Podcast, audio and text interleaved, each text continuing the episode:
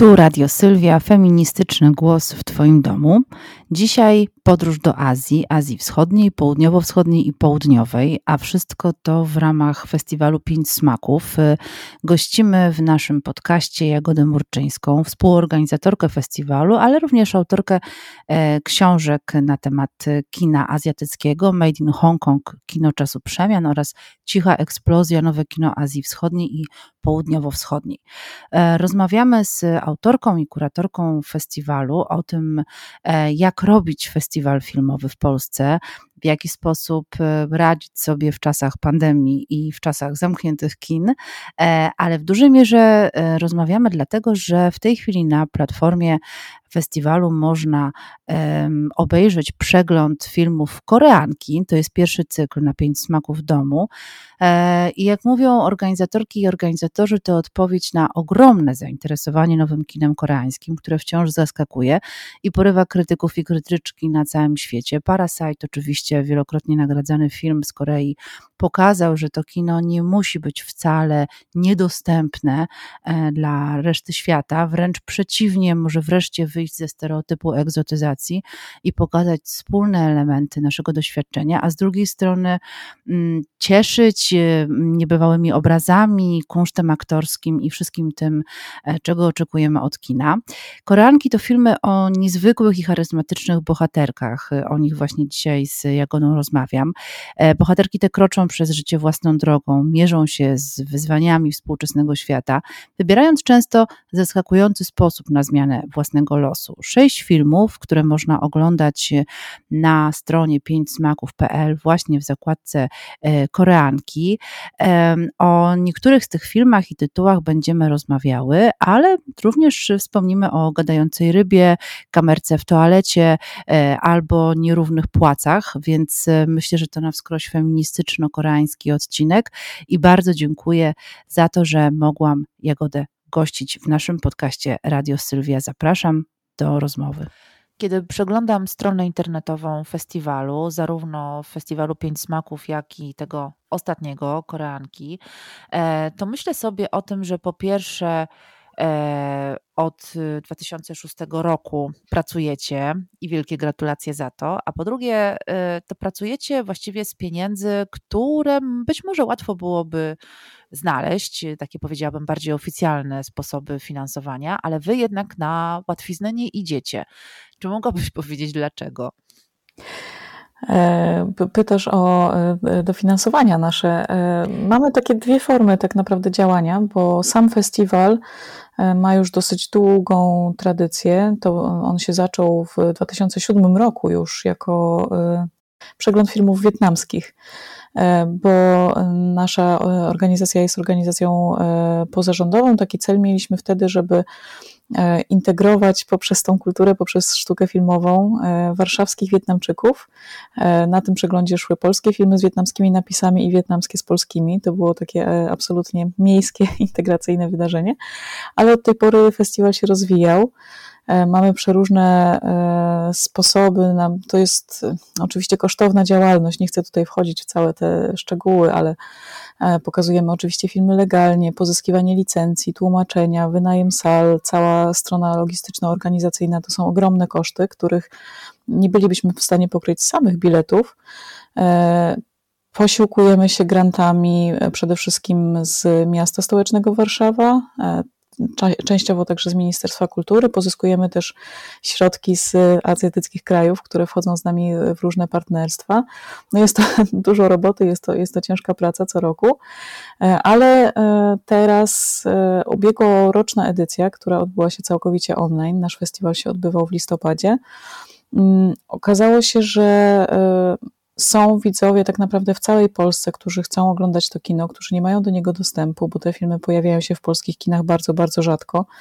E, na platformach streamingowych czy w telewizji też e, ciężko na nie trafić, zwłaszcza na to kino Azji Południowo-Wschodniej, ale też e, jakieś tytuły z, od mniej może znanych twórców z takich krajów jak Japonia czy Korea. Te kinematografie są u nas bardzo popularne, a jednak wciąż bardzo ciężko o tytuły stamtąd.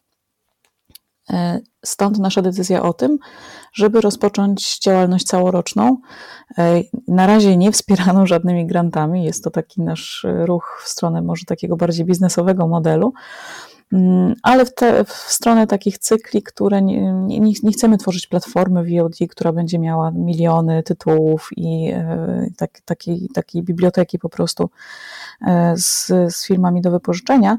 Zależy nam raczej na takim programie kuratorskim, takiej formie działania może troszkę galeryjnej, e, może trochę takiej, takich tematycznych przeglądów. Co kilka tygodni będziemy prezentować cykle, które będą skupione na jakimś temacie czy na jakimś twórcy. To nam się wydaje sensowne, bo no właśnie, ta kinematografia azjatycka jest bardzo różnorodna, bardzo ciekawa, ale wciąż mało znana, więc często widzowie czują się zagubieni, nie wiedzą, e, w którą stronę e, sięgać. My chcemy razem z nimi tak naprawdę eksplorować jakieś tematy, które nas szczególnie jakoś pasjonują, e, które znajdują szeroki oddźwięk, i to jest taki nasz pomysł na kuratorskie, nieduże, ale bardzo takie pieczołowicie przygotowane cykle, które będziemy pokazywać.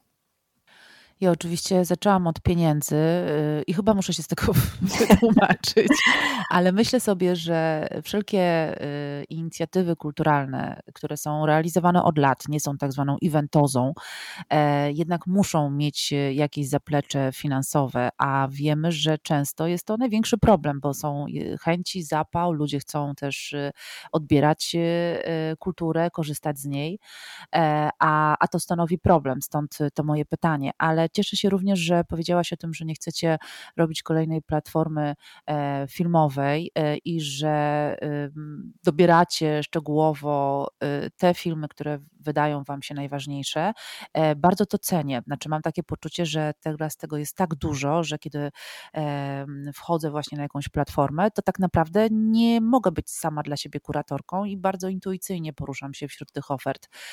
Tymczasem Wasz festiwal rzeczywiście opiera się na tym, co, e, co zostało wybrane przez Was. Opowiedz proszę o tym procesie. Wyobrażam sobie, że przez cały rok siedzicie i oglądacie po pięć filmów dziennie, a potem dyskutujecie. Czy to jest aż taka liczba, czy przesadzam? Y, czasem, czasem tak to wygląda, zwłaszcza w takich gorących y, sezonach festiwalowych.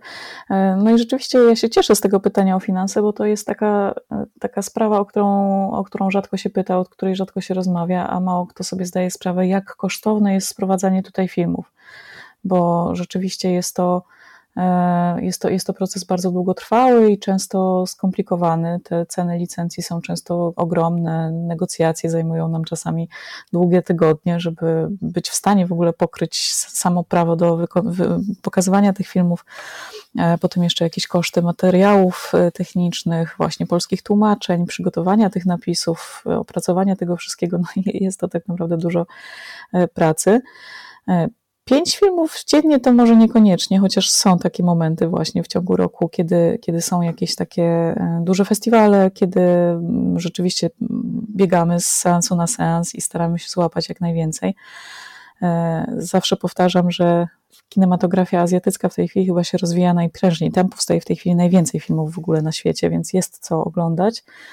My mamy już takie swoje przetarte kanały szukamy bezpośrednio u producentów, e, szukamy bezpośrednio u twórców, których e, już zdążyliśmy poznać i też którzy doceniają to, że ktoś chce pokazywać te filmy tutaj.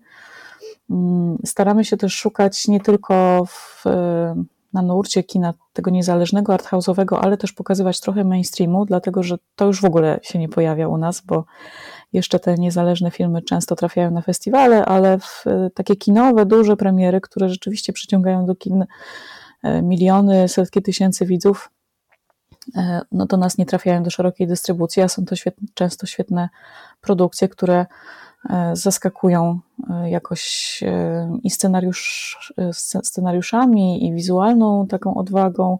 Myślę, że ten ubiegłoroczny sukces Parasite jest tego dowodem, że E, nagle okazuje się, że kino koreańskie, które jest być może mniej znane, ludzie często boją się języka czy trochę innej ekspresji aktorów, a okazuje się, że mówi o problemach na przykład jak Parasite kapitalizmu w taki sposób, że nagle widzom otwierają się oczy i nagle mogą się totalnie zidentyfikować e, z taką perspektywą.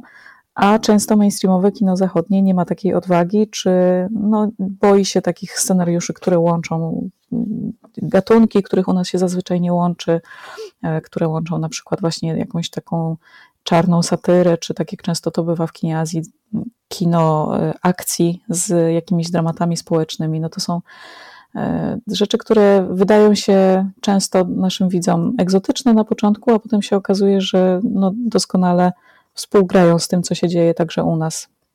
Cieszę się, że wspomniałaś o Parasite. Oczywiście myślę, że to był bardzo ważny moment y, dla kina koreańskiego, bo to już nie tylko mainstream y, w kontekście dystrybucji, dostępu dla osób, które mogłyby ten film zobaczyć, no ale oczywiście nagrody, które są pieczątkami jakości, e, jakkolwiek pewnie e, jak to z nagrodami e, wielokrotnie dyskutowane.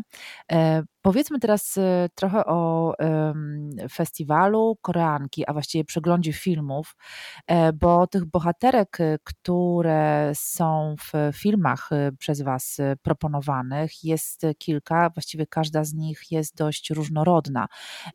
Opowiedz proszę, skąd pomysł na to, aby to właśnie kobiety były bohaterkami tego przeglądu?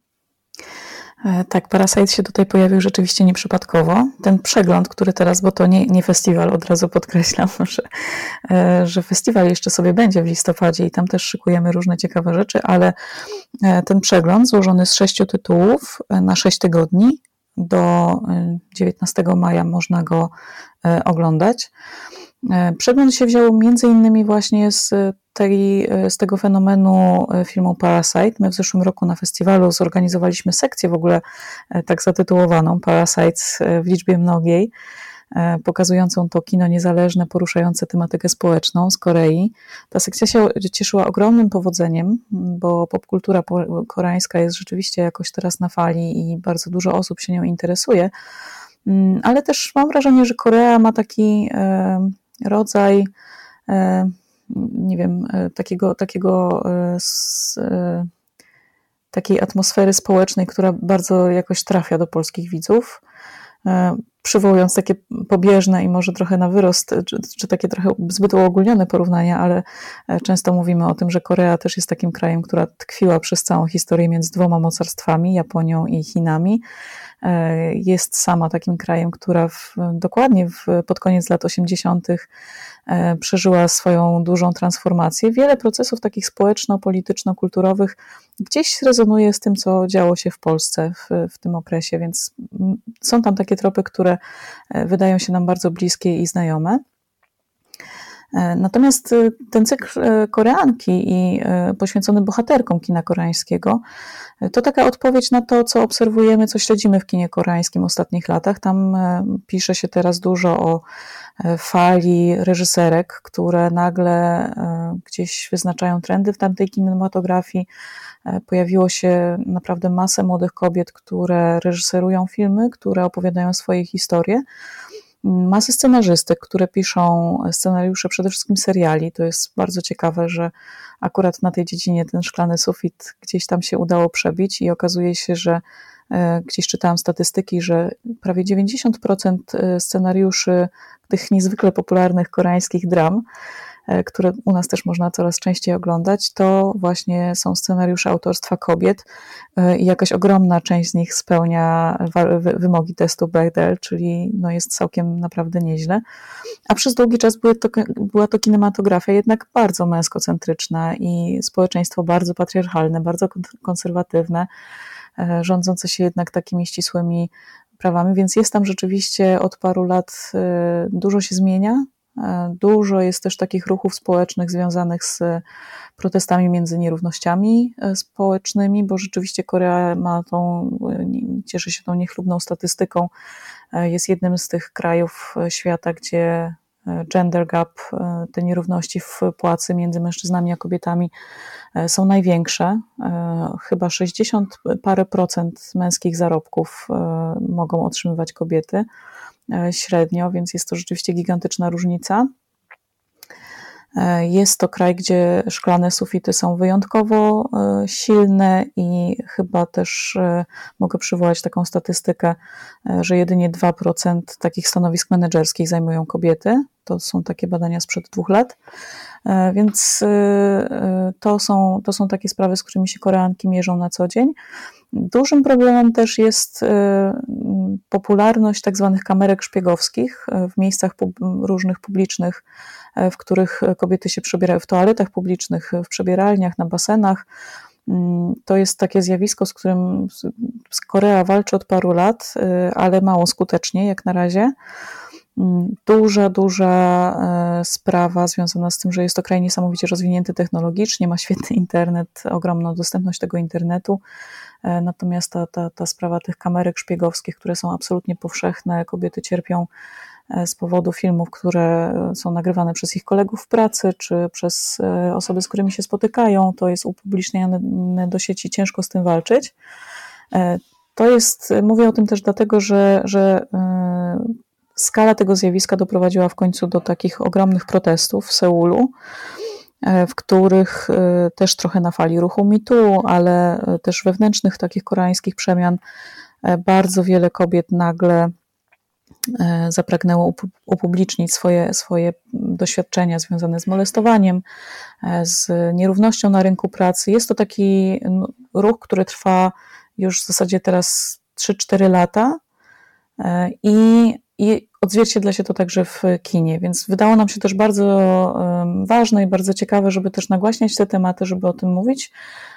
No bo w Polsce też oczywiście temat jest jak najbardziej aktualny i te filmy, które pokazywaliśmy na festiwalu, wywołały jakieś ogromne dyskusje e, e, na naszych forach internetowych, na naszej grupie e, facebookowej Pięć Smaków Kino Azji, na której rozmawiamy o filmach i też okazało się, że nagle dziesiątki naszych widzek są poruszone tym, jak bardzo identyfikują się z bohaterkami tych filmów, jak bardzo one oddają, opowiadają też o ich emocjach, o ich doświadczeniach, E, no, jest to jakiś taki fenomen, którego nie, nie chcemy przegapić i, i stąd rozpoczynamy działalność platformy właśnie Koreankami zasłuchałam się i zarazem e, zaczęłam myśleć o tych kamerkach. E, wielka groza, bo to problem myślę, że międzynarodowy, ale rzeczywiście mm, ta specyfika też dostępu internetu i no już teraz myślę, że w kontekście pandemii naszego wspólnego doświadczenia życia online mhm. jest tutaj szczególnie ważna.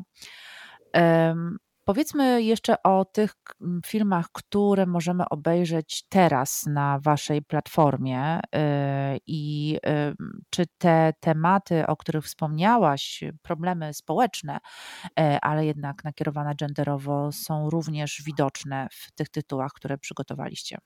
Mm, tak, tak, zdecydowanie szukaliśmy tego y, i y, no nie musieliśmy zresztą jakoś bardzo dużo szukać, bo rzeczywiście to jest coś, co jest, y, jest w tej chwili bardzo mocne w tym koreańskim kinie.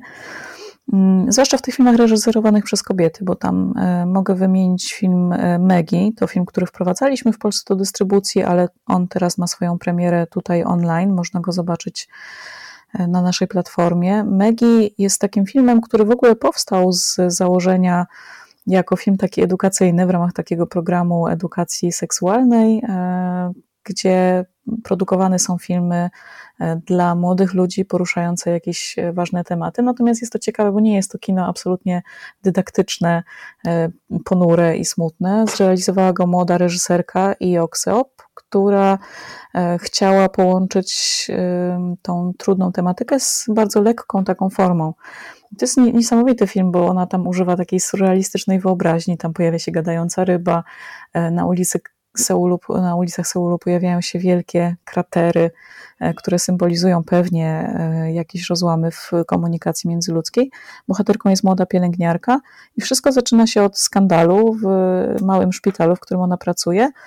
E, ktoś na kliszy rentgenowskiej uwiecznia spotkanie jakiejś pary, która uprawia seks w, w tymże szpitalu.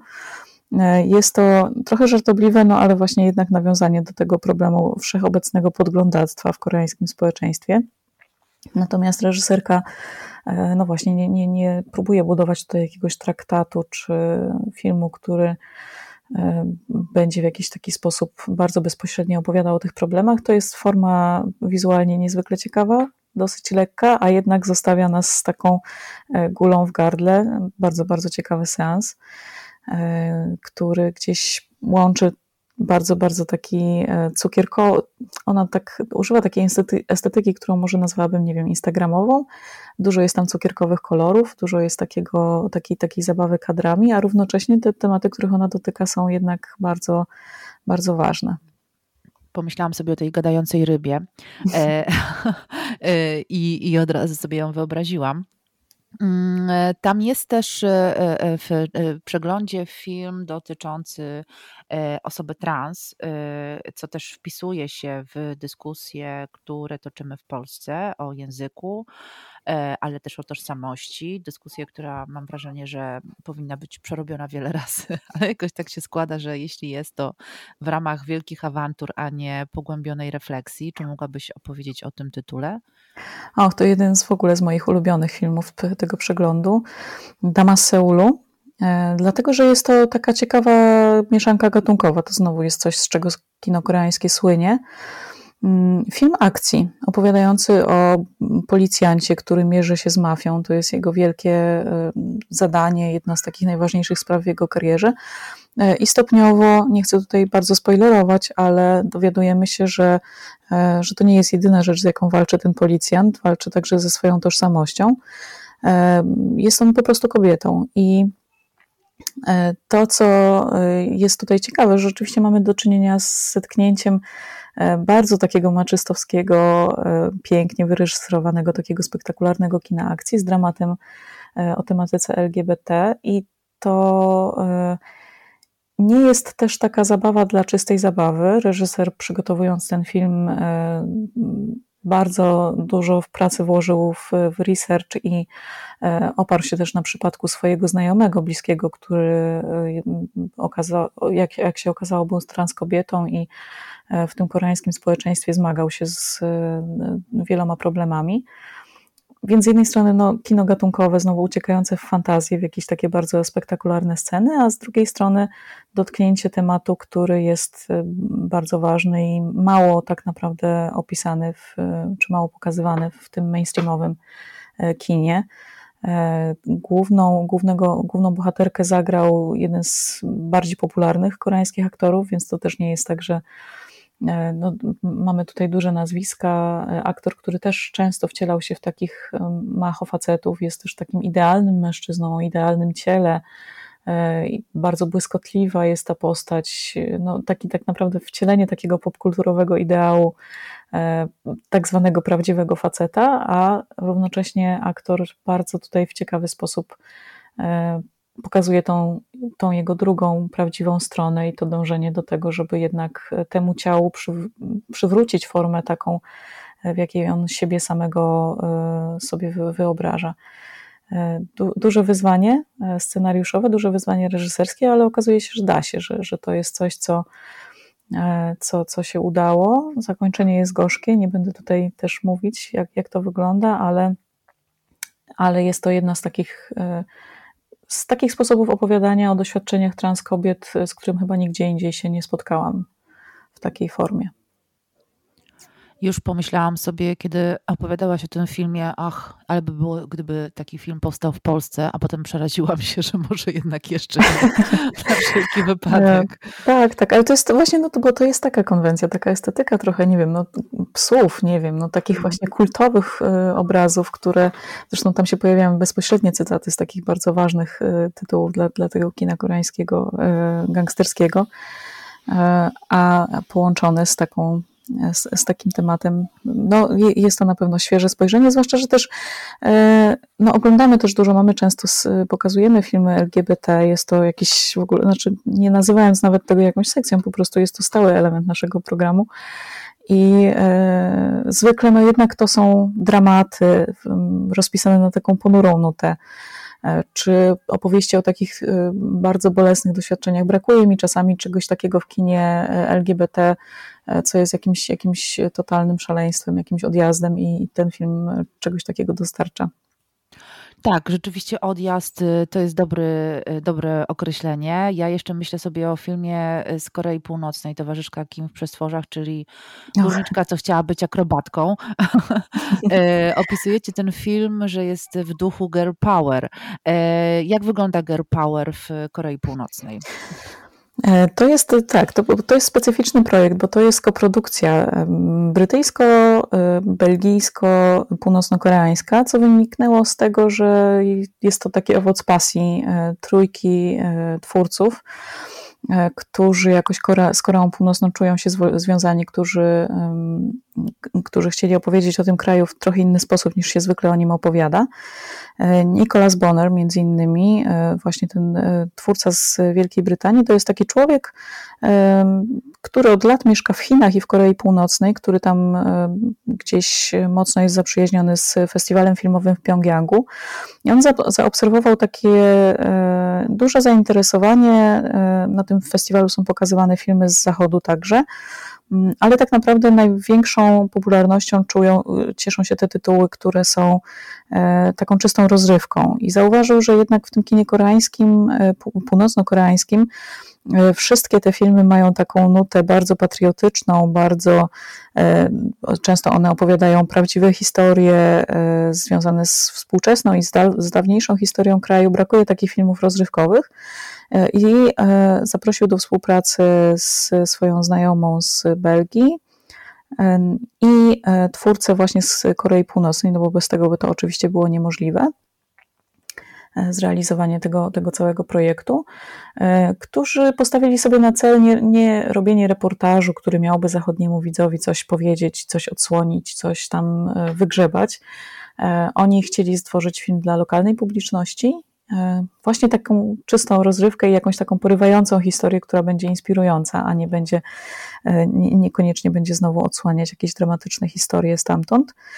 E, powstała towarzyszka Kim, rzeczywiście historia o młodej dziewczynie, która chce być akrobatką, walczy o to swoje marzenie. Bycie akrobatką w Korei Północnej to jest taki e, rzeczywiście marzenie wielu młodych ludzi, dlatego że jest to taka sztuka, która tam e, jest niesamowicie rozwinięta, bardzo spektakularna. To są tacy lokalni celebryci, e, ci ludzie, którzy występują w, w tych cyrkowych, to może nie jest dobre określenie, ale w tych spektaklach, które są takim właśnie połączeniem sztuki akrobatycznej i tańca i takiego właśnie bardzo ekspresyjnego e, spektaklu. E, być może e, widzowie znają też te, te charakterystyczne północno-koreańskie występy, gdzie takiej masowej gimnastyki, gdzie na stadionach te skomplikowane układy choreograficzne są wykonywane przez setki osób. Rzeczywiście ta historia jest dla nas ciekawa bo jest po prostu świetnie napisana i zrealizowana, co było możliwe właśnie dzięki współpracy z Belgią, między innymi, on tam, gdzie tam się e, odbywała cała postprodukcja, mm, ale też te wzorce kobiecości, męskości w Korei Północnej są mm, mimo wszystko dla nas inspirujące. Jakby nie, nie chcemy tutaj wchodzić w temat reżimu, tego jak tam wygląda e, sytuacja, natomiast same te komunistyczne ideały dotyczące roli kobiet w społeczeństwie, no, wcale nie są takie, y, takie najgorsze. No, jest tam jednak takie przekonanie, że kobiety też y, pracują, też y, pełnią różne ważne role. To zresztą ja sobie zrobiłam taki przegląd mały kina północno-koreańskiego, tego, które jest dostępne, bo oczywiście bardzo malutko do nas dociera, bardzo mało można zobaczyć, ale te postacie kobiece często są tam na pierwszym planie i w zasadzie nikt nie zadaje pytań. No, kobieta może być szpiegiem, kobieta może być policjantem, może kierować ruchem nie jest to jakimś tematem e, wielkim. E, no a tutaj jest dodatkowo ten, e, ten element takiego bardzo, bardzo, bardzo intensywnej walki tej młodej bohaterki o swoje marzenie. No i jest to ciekawostka, ale też nie chcemy, żeby ona była odbierana jako takie jakieś kuriozum, coś, co się ogląda dla E, dla śmiechu, tylko jest to po prostu dobrze napisana opowieść z kraju, gdzie akurat takie, a nie inne zasady polityczne e, panują, ale marzenia ludzi są jednak uniwersalne.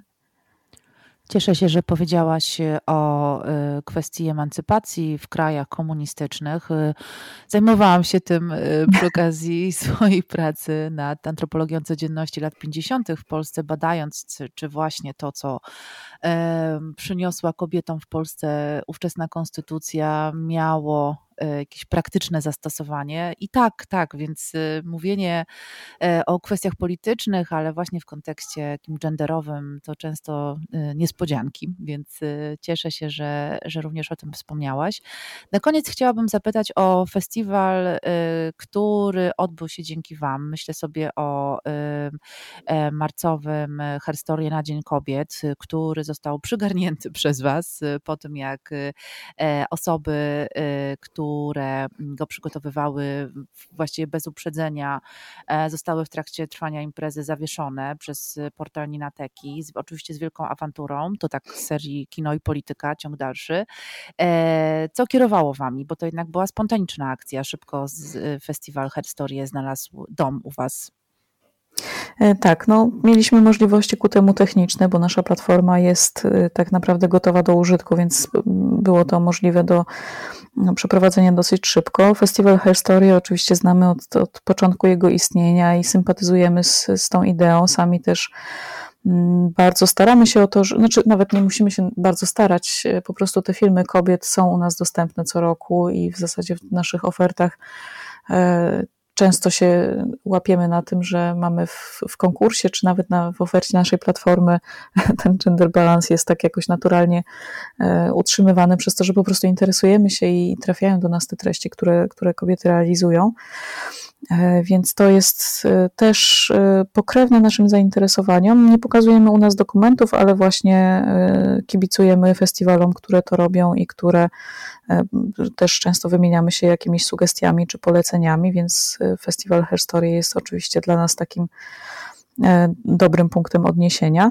No i tutaj naszą, e, oczywiście stało za, za, za, naszym, e, za naszym gestem, czy za, za tą propozycją to, że bardzo jesteśmy przeciwni temu, żeby cenzurować jakieś treści i takie oddziaływanie bezpośrednie na, na kulturę, blokowanie czegoś, no, jest absolutnie czymś, czemu chcemy się sprzeciwiać.